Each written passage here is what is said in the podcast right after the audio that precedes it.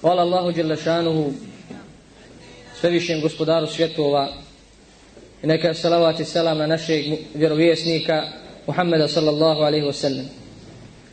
Meni je veoma drago što se večeras nalazim ovdje među vama i veoma mi je drago i raduje me što kod vas postoji veliko interesovanje za ovakvim okupljanjima i ovakvim druženjima, što upućuje na, na jednu stvar, a to je na jačinu vjere i želju za vjeru, što danas mnogima fali.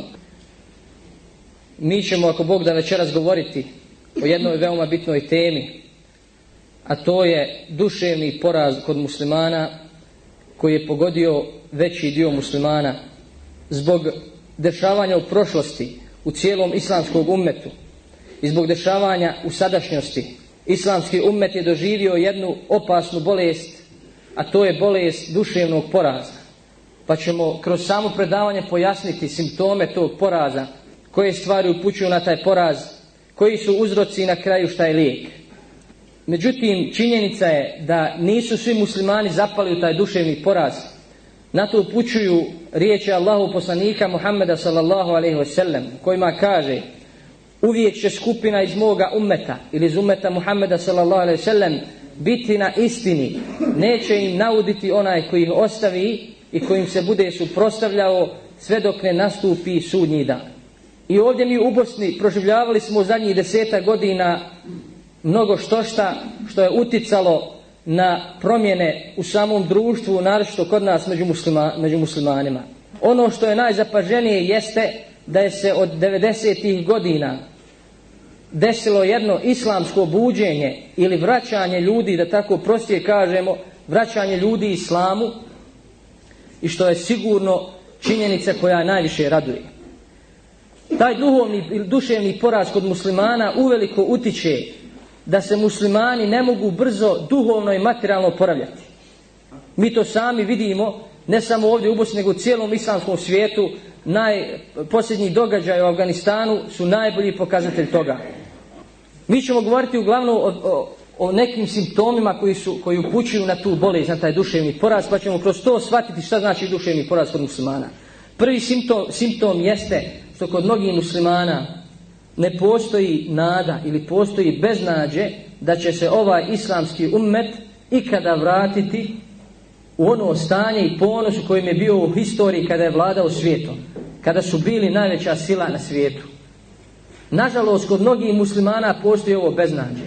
I u nas ovdje, naročito poslije posljednjih izbora, kada su, kada je islamska struja izgubila na izborima i kada su na vlast došli oni koji ne žele dobro islamu i to je činjenica. To je istina poslije tih događaja, poslije događaja hapšenja, deportacija, poslije raznoraznih jeli, ovaj, provokacija, prijetnji, najavljivanja hapšenja, mnogi i kod nas su ovdje došli to beznađe da izgleda idu sve gori i gori dani, a ne bolji za islam i za sljedbenike islama. Međutim, draga braćo, moramo znati da ova vjera islam mora proći kroz određene etape koje je Allah Đelešanu odredio da prođe ta vjera i njeni sljedbenici. Ovakvi koji dođu u beznađe neće puno pomoći ni sebi, ani ovome umetu na popravljanju jelikatom duhovnom i materialnom prosperitetu. Najbolje je opisao poslanik sallallahu alejhi ve sellem te ljude i takve ljude, pa kaže u hadisu koji bilježi Muslim, kaže ako čovjek kaže ljudi su u propasti ili propadoše ljudi, kaže on je u većoj propasti od njih. Hadis bilježi muslim. Značenje hadisa je da onaj ko za ljude kaže da su propali, da nemaju više od njih nikakve nade, da je on u većoj propasti i većoj, većoj zabludi nego oni, zbog činjenice da je digao ruke od muslimana koji su jeli u zabludi i misli da se nikada neće vratiti vjeri. To je pogrešno, jer to je taj pesimizam koji ko muslima ne smije dozvoliti da se nađe kod njega. Od ovakvih ljudi, kao što sam rekao, vrlo je teško očekivati da popravljaju, oni samo mogu unazađivati taj popravak duhovni i materijalni. Drugi simptom jeste, kod mnogih muslimana ćemo naći da kada u pitanju hajr i napredak, bilo duhovni ili materijalni, da uvijek gledaju one koji su slabiji od njih, koji su ispod njih. Pa ako vidi nekoga da je slabiji uvjeri od njega, on klanja noćni namaz ovaj, ne klanja, kaže, pa dobar sam ja, kakvih ima, Ili kada vidi sebe da, da, da se pridržava islama, a drugi se ne pridržavaju, kaže, pa dobar sam ja kakvi ima, teška su vremena, treba se zadovoljiti tim i tim. To je pogrešno, draga braćo, je takav, samo može nazadovati, ne može napredovati. I u vjeri, ne, nikad se ne gledaju oni koji su slabiji, nego se u vjeri gledaju oni koji su bolji. Ako budeš gledao oni koji, slabi, koji su slabiji od tebe u vjeri, postoji opasnost da, se, da budeš kao i oni. Ako budeš gledao koji, one, one koji su bolji u vjeri od tebe, postoji nada da postaneš kao, kao i oni. Međutim, kada u pitanju Dunjaluk, kada u pitanju Dunjaluk, trebaju da se gledaju oni koji su ispod nas u Dunjaluku. Koji su ispod nas. Oni koji nemaju ni, ni sto maraka u džepu. A ti imaš 300 ili 500 ili 1000. I na taj način ćeš steći to duhovno zadovoljstvo i to bogatstvo duše. Nećeš dozvoliti, znači, e, beznadje, nećeš do, dozvoliti da se tvoje srce veže za dunjaluk, gledajući u dunjaluk one koji su ispred tebe. Treći simptom je pojava imitacije, a ne inovacije i kreativnosti kod muslimana. Mi znamo da danas muslimani većinom imitiraju, ne samo u stvarima dunjalu i materijalnog napretka, nego većinom imitiraju nevjernike, kršćane i židove, pa čak i u stvarima vjeri. Zato ćemo naći, zbog tog duševnog poraza, da su muslimani u prošlosti e, dozvolili sebi da se ne samo u njihove običaje, da se obuče dosta e, nemuslimanskih običaja, nego čak i u vjeru su se uvukla razno razna vjerovanja i sujevjerja koja su preuzete od kršćana i židova. Naravno, od kršćana, jer mi živimo sa njima, i jeli, od njih smo i preuzeli mnoga učenja i mnoge, mnoge, mnoga su. Među muslimanima rijetki su oni koji razmišljaju da postanu naučnici, koji razmišljaju da postanu stručnjaci određene oblasti u geologiji, u biologiji, u fizici. I zbog toga danas muslimani nemaju e, dosta i dovoljno svojih stručnjaka. Većinom je li to tu nauku i ta iskustva preuzmaju od nevjernika, idu na zapad i naravno mijenjaju svoju vjeru zbog tog odlaska i tog boravka. Musliman ne samo da slijede kršćane, draga braćo, kao što sam rekao, u tim materialnim dostignućima, nego slijede kršćane i, i u vjeri. I to je ono što je najopasnije. Što se tiče materijalnog napretka, imitacije, imitiranja, najpogubnija oblast jeste vojna oblast, gdje mus, rijetko koja muslimanska zemlja ima razvijenu vojnu industriju. I zbog toga, e, kada se pojavi bilo kakva zemlja sa, vojnom, sa razvijenom vojnom industrijom u svijetu, dešava se ono što je se desilo Iraku, ono što je se desilo e, Siriji, ono što je se desilo drugim muslimanskim zemljama i što se prijeti drugim muslimanskim zemljama koje su e, materijalno razvijene, a naročito vojno. Četvrti simptom ove bolesti, dušene bolesti, jeste e, ogleda se kod muslimana koji su studirali na zapadu i koji su boravili na zapadu. Nažalost, takvi muslimani su dosta utjecali da se da se muslimani, ostali muslimani okrenu ka zapadu, ka njihovoj civilizaciji i njihovim običajima. Oni koji studirali na zapadu danas vladaju muslimanskim zemljama. Danas su donijeli njihove običaje i njihova, njihova vjerovanja. Nažalost, takvi su na političkim vrhovima. Oni nisu napravili razliku između tog materijalnog napretka koji se može preuzeti od nevjernika. Nije problem i nije, nije sporno da preuzmemo raketu ili neko, neko jeli, vojno dostignuće, međutim sporno je da prihvatimo sve od zapada što nam on donosi. Jer mi imamo svoju vjeru, imamo izvor svog, svoje vjere, imamo izvor svojih običaja i tradicije. A to je naša vjera islam. Na zapadu je napredna, draga braća, tehnologija.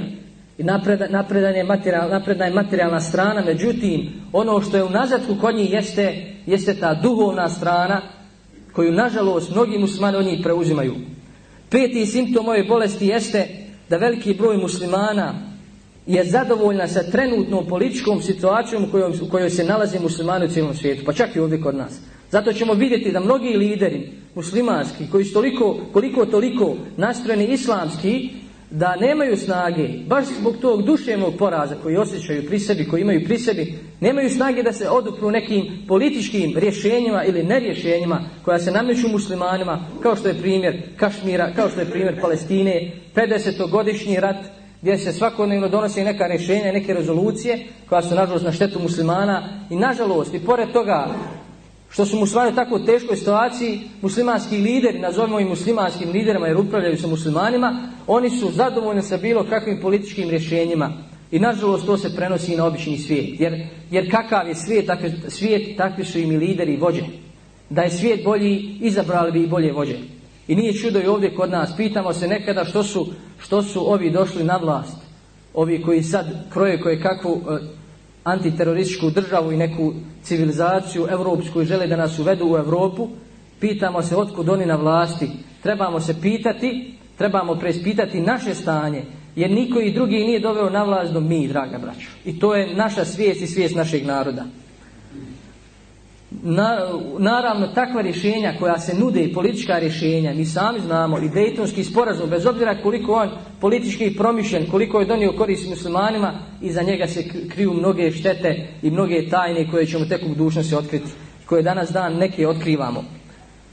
Za primjer, znači, uzet ćemo postojanje palestinske države koja je E, postojanje države Izrael, te vještačke tvoremine na tlu Palestine, koja je danas simbol terorizma i organizovanog nasilja. Nažalost, mnogi palestinci, kao sam rekao, ne samo lideri, nego i narod su zadovoljni da dobiju ono malo zemlje što je ostalo u Palestini da bi, da bi bio mir. Šesti simptom jeste da mnogi muslimani se, da se mnogi muslimani stide svoje vjerije.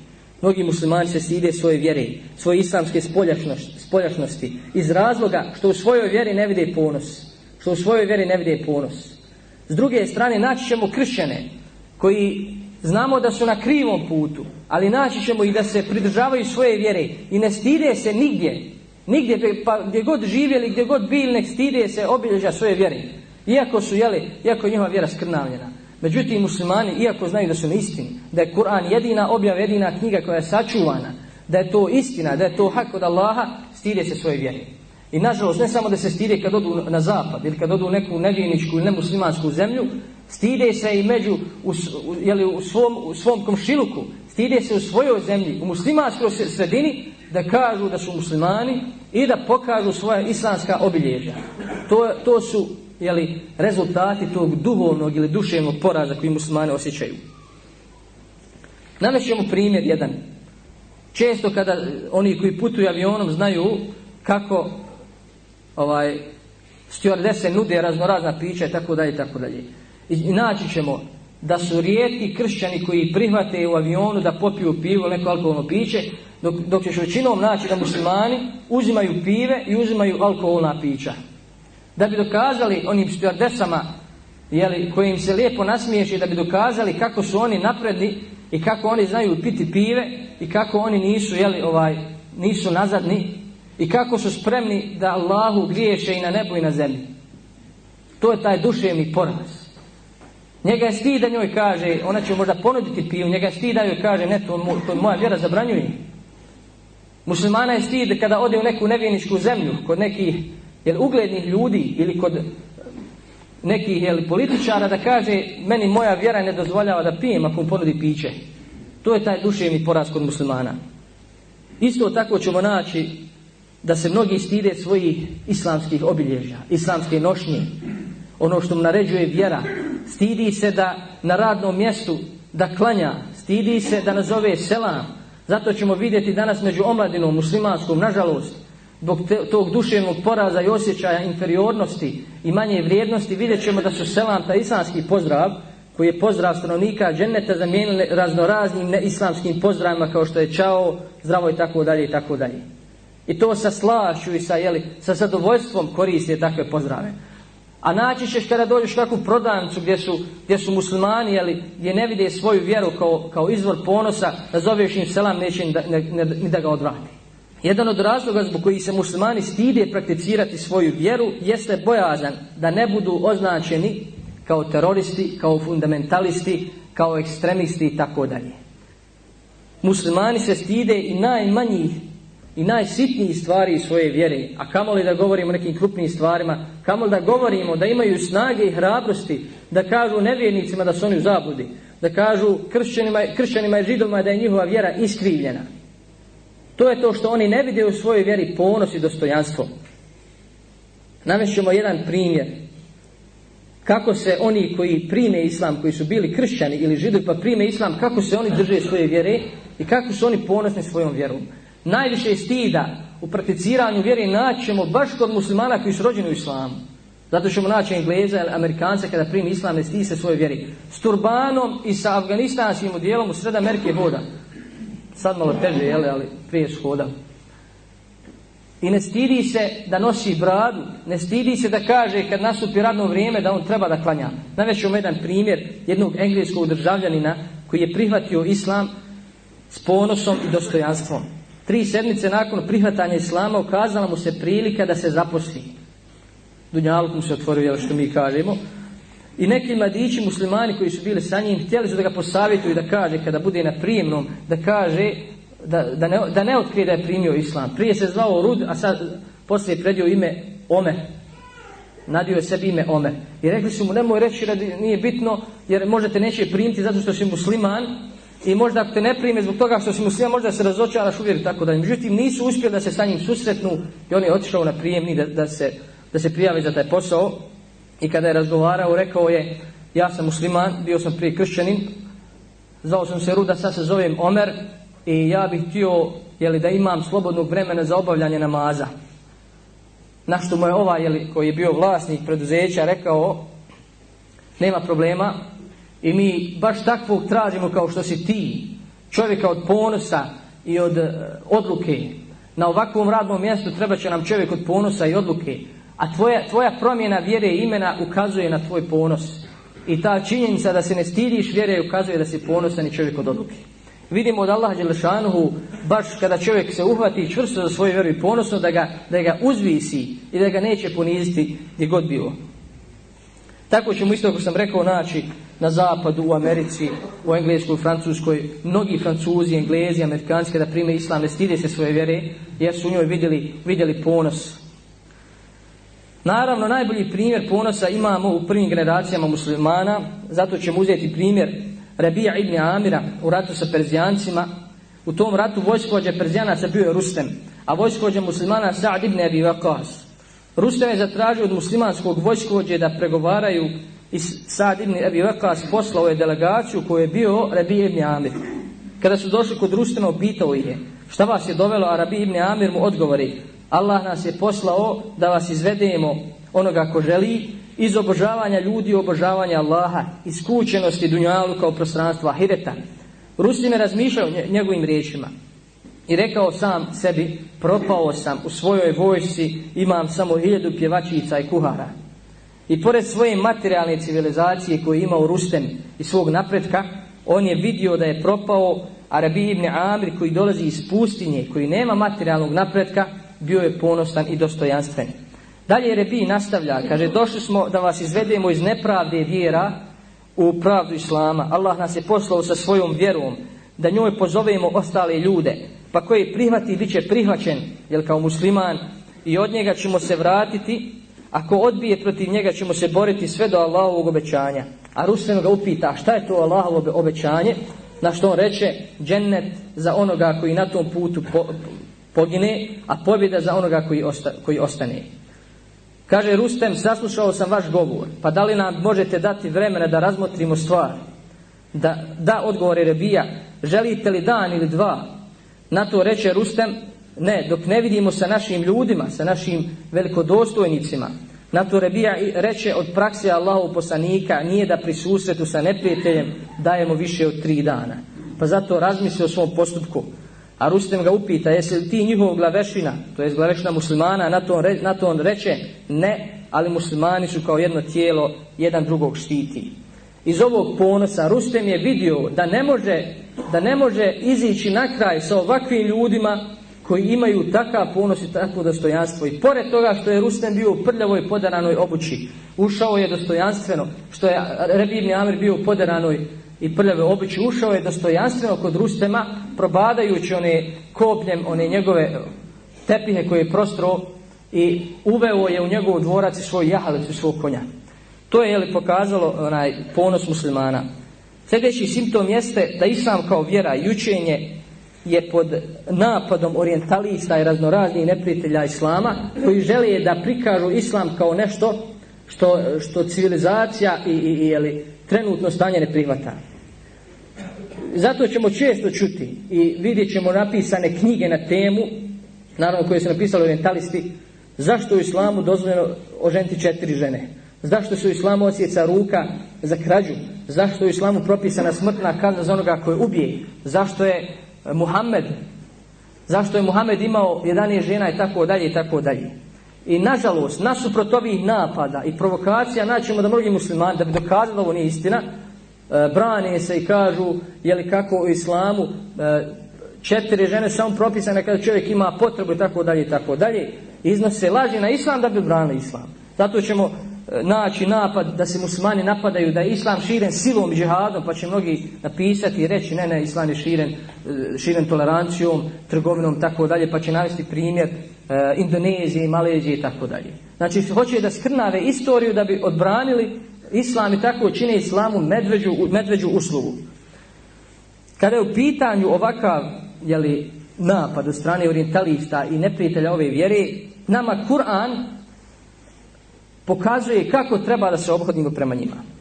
Bog ove činjenice, danas mnogi muslimani, pa čak misionari, kada drugima prezentiraju islam, prezentiraju ga s dozom stida interiornosti pa neće da, da otvoreno ljudima pojasni neke islamske propise ili iskrnave i tako dalje tako dalje.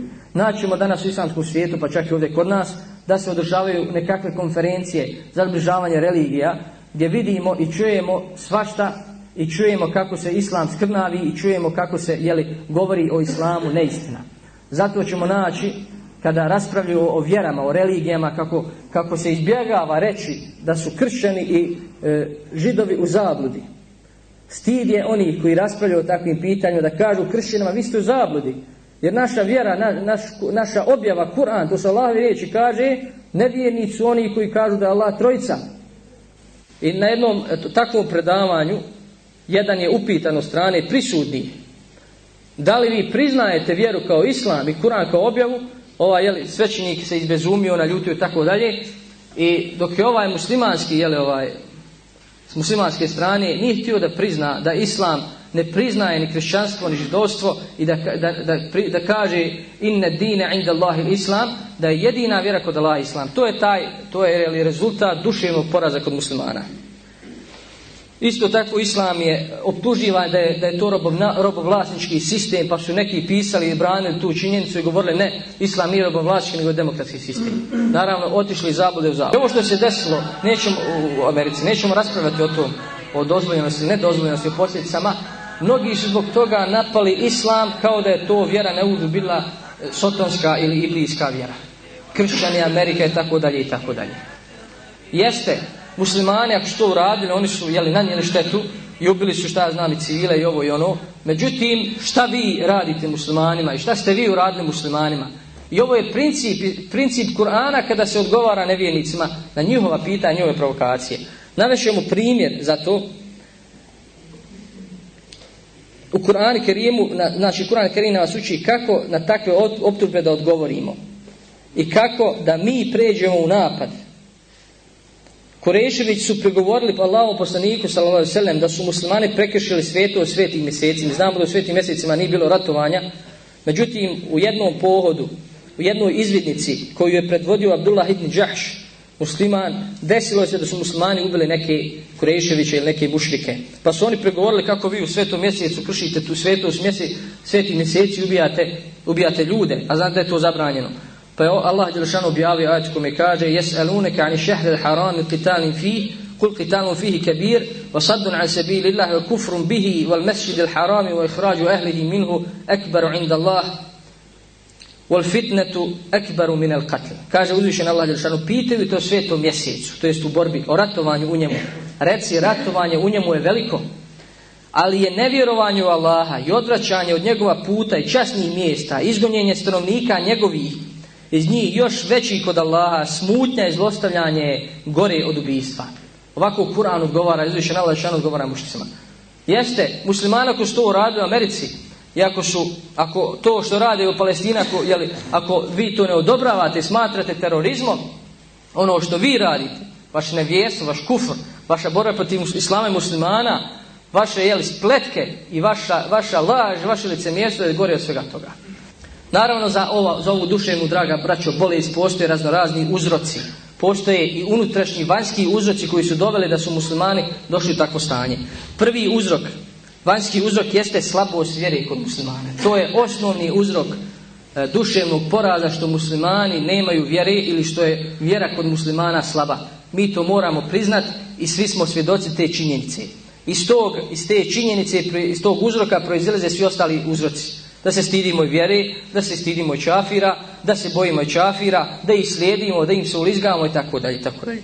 Drugi uzrok bez sumnje je ostavljanje džihada borbe na Allahom Đelešanu u putu, što je dovelo da su muslimani u poniženju i da su izgubili svoj čas i svoje dostojanstvo.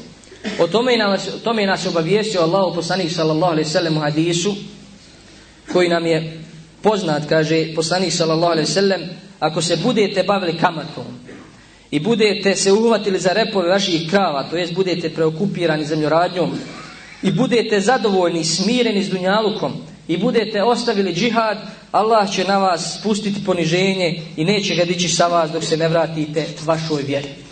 Znači u ovom hadisu poslanih sada srlom spominje bolest koja je pogodila ovaj umet i naveo je dva primjera za tu bolest. Prvi je ili dvije vrste te bolesti. Prva vrsta je što su muslimani, što muslimani svjesno čine harame koje je Allah Đelešanuhu zabranio, koje su jasno islamom zabranjene. Navo je, navo je primjer kamate, koji je jedan od najvećih grijeha, međutim, možemo pridodati sve ostale grije kao što je ostavljanje namaza, kao što je, kao što je zinaluk, kao što je krađa, kao što je laž, kao što je nepovjerenje, i tako dalje i tako dalje i to je prvi razlog ovakvog stanja muslimana što muslimani javno griješi nema stida više u griješenju nekada prije rata u onoj Titinoj Jugoslaviji nije bilo javnih kuća jer je bilo zakonom zabranjeno sad niču ko pečurke sad se to javno čini i to je više zakonski regulisano sada se po, na, na ulici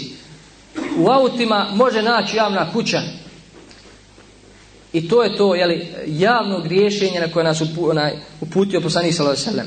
Druga vrsta je preokupiranost dunjalukom. Preokupiranost dunjalukom i zbog toga zapostavljanje Allahovi naredbi. Čovjek kada mu se srce previše veze za, onaj, za, za ovaj svijet, za dunjaluške, jeli, dobro, dunjaluške dobrobiti, dunjaluška bogatstva, isprazni mu se srce od sjećanja na uzvišenog Allaha. Čovjek može biti bogat i to je pohvalno da musliman bude bogat, ne zavisi od drugog, da svojim bogatstvom pomaže islam i pomaže druge siromašne muslimane. Međutim, taj dunjaluku, ne smije, ne, dunjaluku mu ne smije ući u srce da, pre, da preovlada, da zaboravi na Allaha Đelešanu i kada će Allaha Đelešanu njega zaboraviti. Ovo poniženje, draga braćo, koje je najavljeno u hadisu, desilo se zbog čega? Zbog tri stvari. Znači, zbog toga što javno griješimo, zbog toga što što smo preokupirali se, smo se preokupirali dunjalukom i treća stvar, zbog toga što smo ostavili džihad, pa je Allah Đelešanu uspustio poniženje na nas. Takođe strah i obezrabljenost, obezrabljenost kod muslimana je donje, dovela do duševnog poraza. Muslimani danas gledaju na nevjernike kao na sile koje se nikada ne mogu poraziti. Gledaju na Ameriku i na druge zapadne sile kao da su nepobjedive. Nažalost, to je rezultat duševnog poraza. Mi znamo kakav je bio Sovjetski savez. Bio je najjača sila na svijetu. Šta je bilo od njega? Raspao se preko dana ili preko noći. Tako isto je ta Amerika koja danas diljem svijeta, naročito kod muslimana, širi strah. Naročito kod onih ljudi koji se drže vjere i koja širi nasilje i teror. Nemojmo misliti da Allah Đelešanu nije kada da je preko noći uništi. Ali mi se ne oslanjamo na to. Mi ulažemo sve od sebe. Prvo se kanimo grijeha, znači da otarasimo se ovog ovog prvog razloga duševnog poraza. Pa onda ne vežemo se za dunjaluk, jel kao što kaže poslanik za selem, i onda hvatamo se za ono što nam je naređeno, a to je branjenje islama, branjenje islama džihadom i širenje islama do onih dok je nije dospio, naravno isto, isto džihadom. Mi smo zaboravili prirodu ove vjere i zato ćemo naći da mnogi posustaju posrnu poslije eh, lahkih iskušenja ostave svoju vjeru ili ostave neke principe svoje vjere. Mi smo zaboravili ajetu kome Allah Đelešanu kaže Alif la min, ahasiban nasu an yutraku an yakulu amanna wa hum la yuftanun وَلَقَدْ فَتَنَّ الَّذِينَ مِنْ قَبْلِهِمْ فَلَيَعْلَمَنَّ اللَّهُ الَّذِينَ صَدَقُوا وَلَيَعْلَمَنَّ الْكَاذِبِينَ Kaže, misle li ljudi da će biti ostavljeni ako kažu mi vjerujemo. A mi smo iskušenje dovodili i one prije njih da bi Allah ukazao na one koji, koji su iskreni i one koji nisu. Mi smo ovaj aj često spominjali, često ga spominjemo, često ga učimo, međutim, nismo shvatili njegovu suštinu. Ono što se danas dešava u svijetu, nakon događaja 11. septembra i prije, jeste samo iskušenje za muslimane da Allah Đelešanu uvidi ko je iskren, ko nije, da se pročiste nijeti, da se pročiste namjere, da se pročiste redovi među muslimanima, da otpadnu oni koji, koji, koji ne zaslužuju da budu među muslimanima, Jer Allah Đelešanu sprema muslimane za nešto puno veće što čeka muslimane u historiji, a to je taj konačni obračun između istine i neistine i konačna pobjeda koja će, jeli, koju će islam musliman doživjeti. Znači onaj ko smatra da je put islama prekriven ružama i rahatlukom vara se. Vara se nas je o tom obavijesio Allah poslanih sallallahu alaihi sallam da je put ka džennetu prekriven neugodnostima, a put ka džehennemu prekriven je ugodnostima i rahatlukom.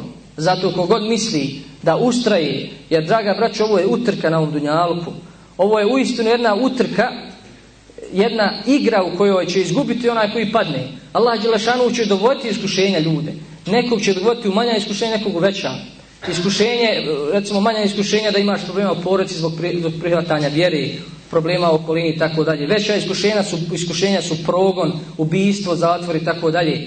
Allah Đelešanu u iskušenjima želi očvočvrsnuti vjernika, da ustraje, da bude spreman na naredni period koji, možda, koji će možda biti teži. Zato Allah Đelešanu neće nikada čovjeka dovesti u iskušenje koje neće moći podnijeti.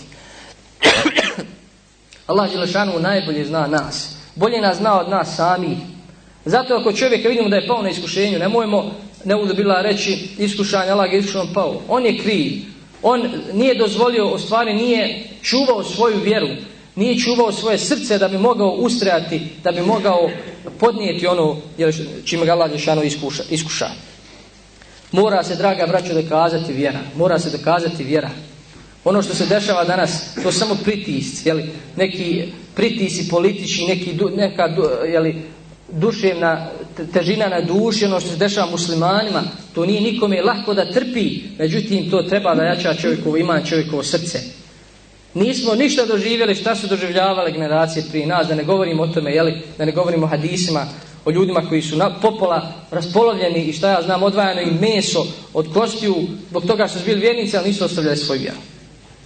Isto tako, draga braćo, pogrešno je da gledamo u historiju, u odre, samo određene periode historije ili samo na određena mjesta. Recimo, navješemo primjer. Ne trebamo gledati crno e, zato što je se određeno prijedu e, de, desno muslimanima je to i to. Kao što je bio period kome su Tatari osvojili, porazili, jeli, e, Hilafet, osvojili Bagdad i ubijali su 40 dana u Bagdadu. Neki historičari navode da je ubijeno 2 miliona muslimana za 40 dana. Muslimani su ubijani kroz životinje po ulici. Raširila se kuga i tako dalje i tako dalje. Da bi Allah Đelešanu ponovo dao da se muslimani vrate vjeri, jer to je lije kao što stoji u hadisu, Allah će spustiti na vas poniženje i neće ga dići sa vas dok, ne, dok se ne vrate vašoj vjeri. Dok se ne vrate vašoj vjeri. Ne misli se na vraćanje dijelomično, nego u potpunosti vraćanje vjeri islamu, prihvatanje islama kao univerzalnog sistema života. Isto tako, kršćani su osvojili uh, Jerusalem, osvojili su Bejtul Maqdis. 91. godinu su vladali Palestinom i 91. godinu se nije klanjala ni džuma, ni bilo koji drugi namaz. Zamislimo to stanje da, da, se to, da se to desi nama u Bosni.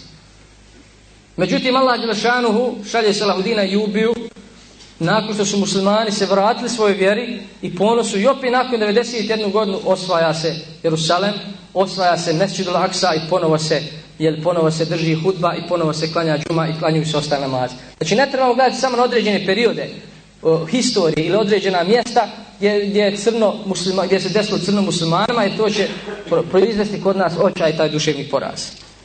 Kada je u pitanju neprijatelji ove vjere znaju tačke slabosti kod muslimana pa ćemo vidjeti kako su postupali da, da, da poraze muslimane.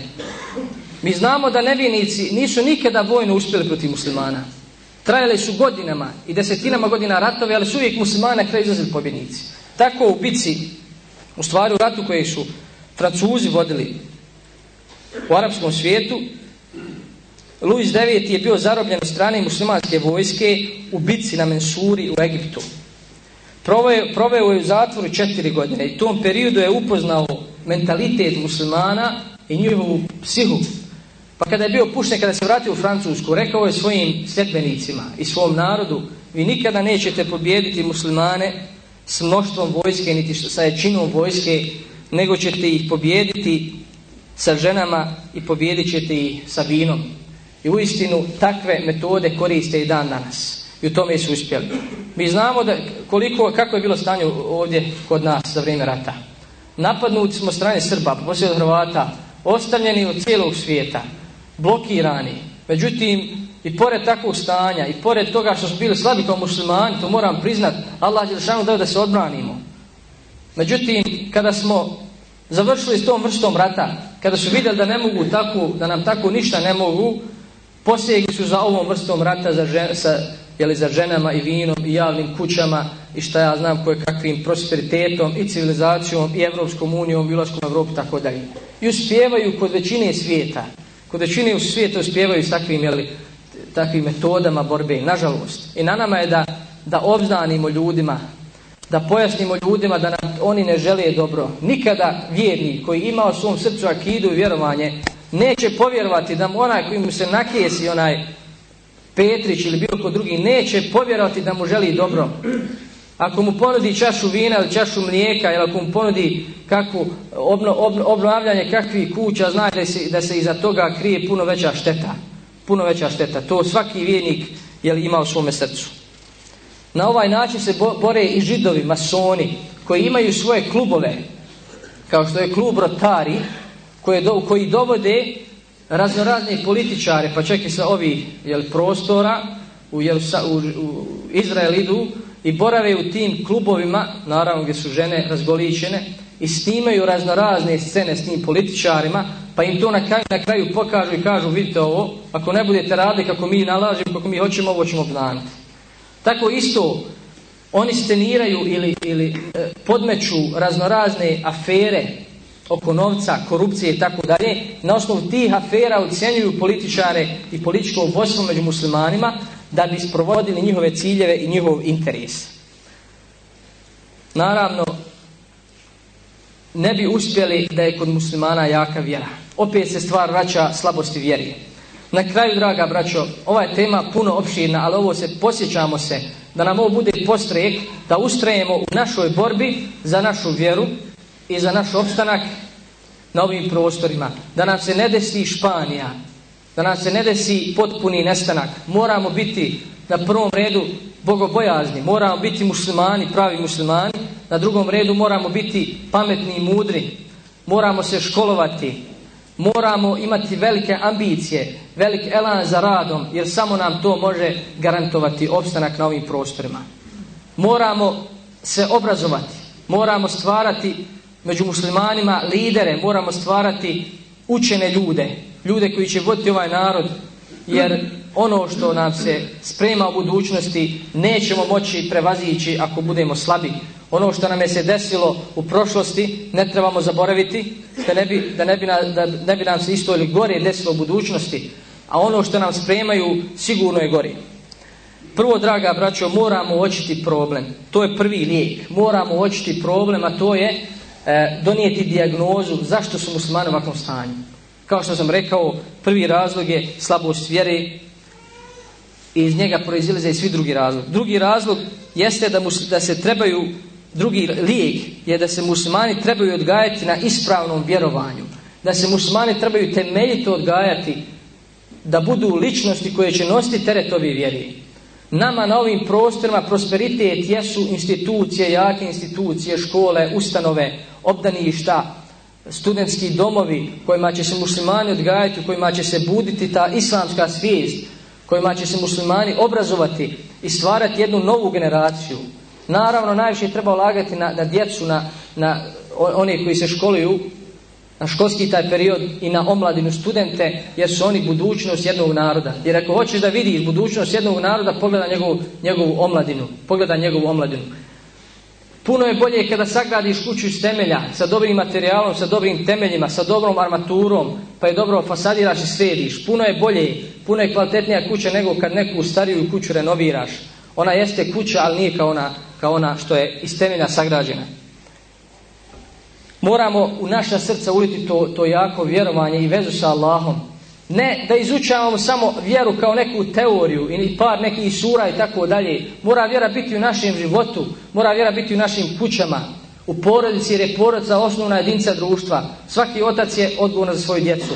Svaka majka je odgovorna za svoju djecu da je odgaja na islamu, da se ne stidi islama, jer zato će odgovornost biti pitana pre, na onom svijetu. Ne može škola sve odraditi, ne može obdanište sve odraditi ako majka i otac ne pridaju pažnju svome djetetu i ne odgajaju onako kako treba.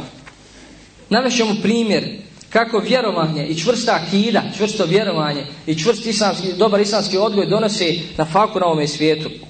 Recimo, kod muslimana dosta je se uvuklo sujevjerja.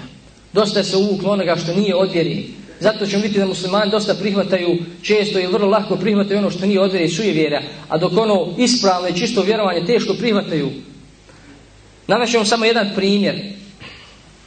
Isto tako jedan od, koji je primio islam, tražio je posao na zapadu i kada je našao posao, vlasnik hotel, u hotelu je našao posao, vlasnik hotela ga je ponudio, ponudio ga je da popije.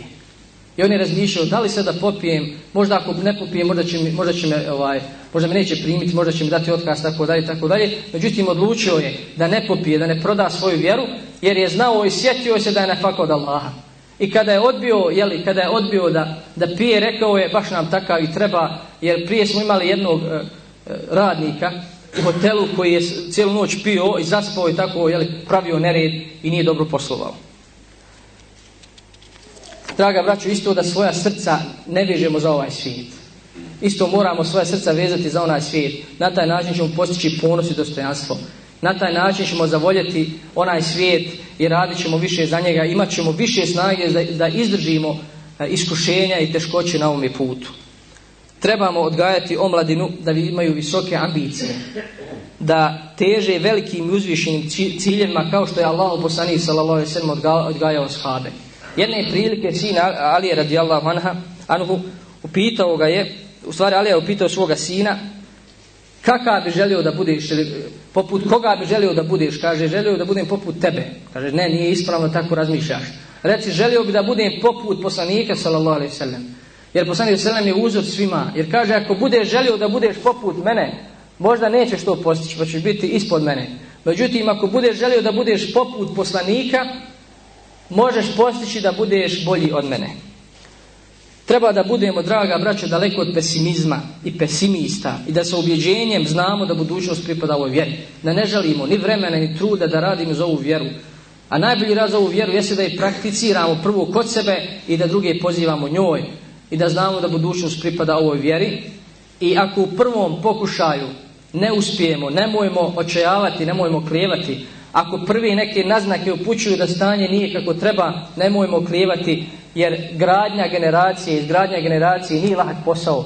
Treba će nam puno iskrenosti, puno bogobojaznosti, treba će nam puno oslovnica na Allaha Đelešanuhu i treba će nam puno sabura i puno mudrosti na ovome putu.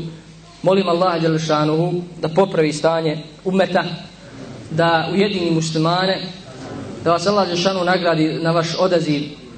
Ovo je bitno i radi naše stanje u Bosni i Hercegovini, jer ovo što danas proživljavamo jeste jedna prekretnica, prekretnica za budućnost islame muslimana i prostorima. Sve što radimo, treba da radimo za dobrobit ove vjere i za dobrobit nas kao naroda na ovim prostorima. Vrlo je važno jedinstvo u ovim vremenima, jedinstvo muslimana. Ne smiju neke razlike da nam budu razlog da se rastavljamo i da pravimo razlog, treba da se ujedinjujemo oko osnova vjere i treba da se vraćamo na jedan izvod koji će nas ujediniti, to je Kur'an i sunnet i svatanje i prakticiranje vjere onako kako su je shvatili i praktikovali poslani sallallahu alejhi ve sellem i ashabi. To pa vas Allah džalaluhu nagradi što se odvojili ovo vrijeme i da vam upiše ovo u vaša dobra djela.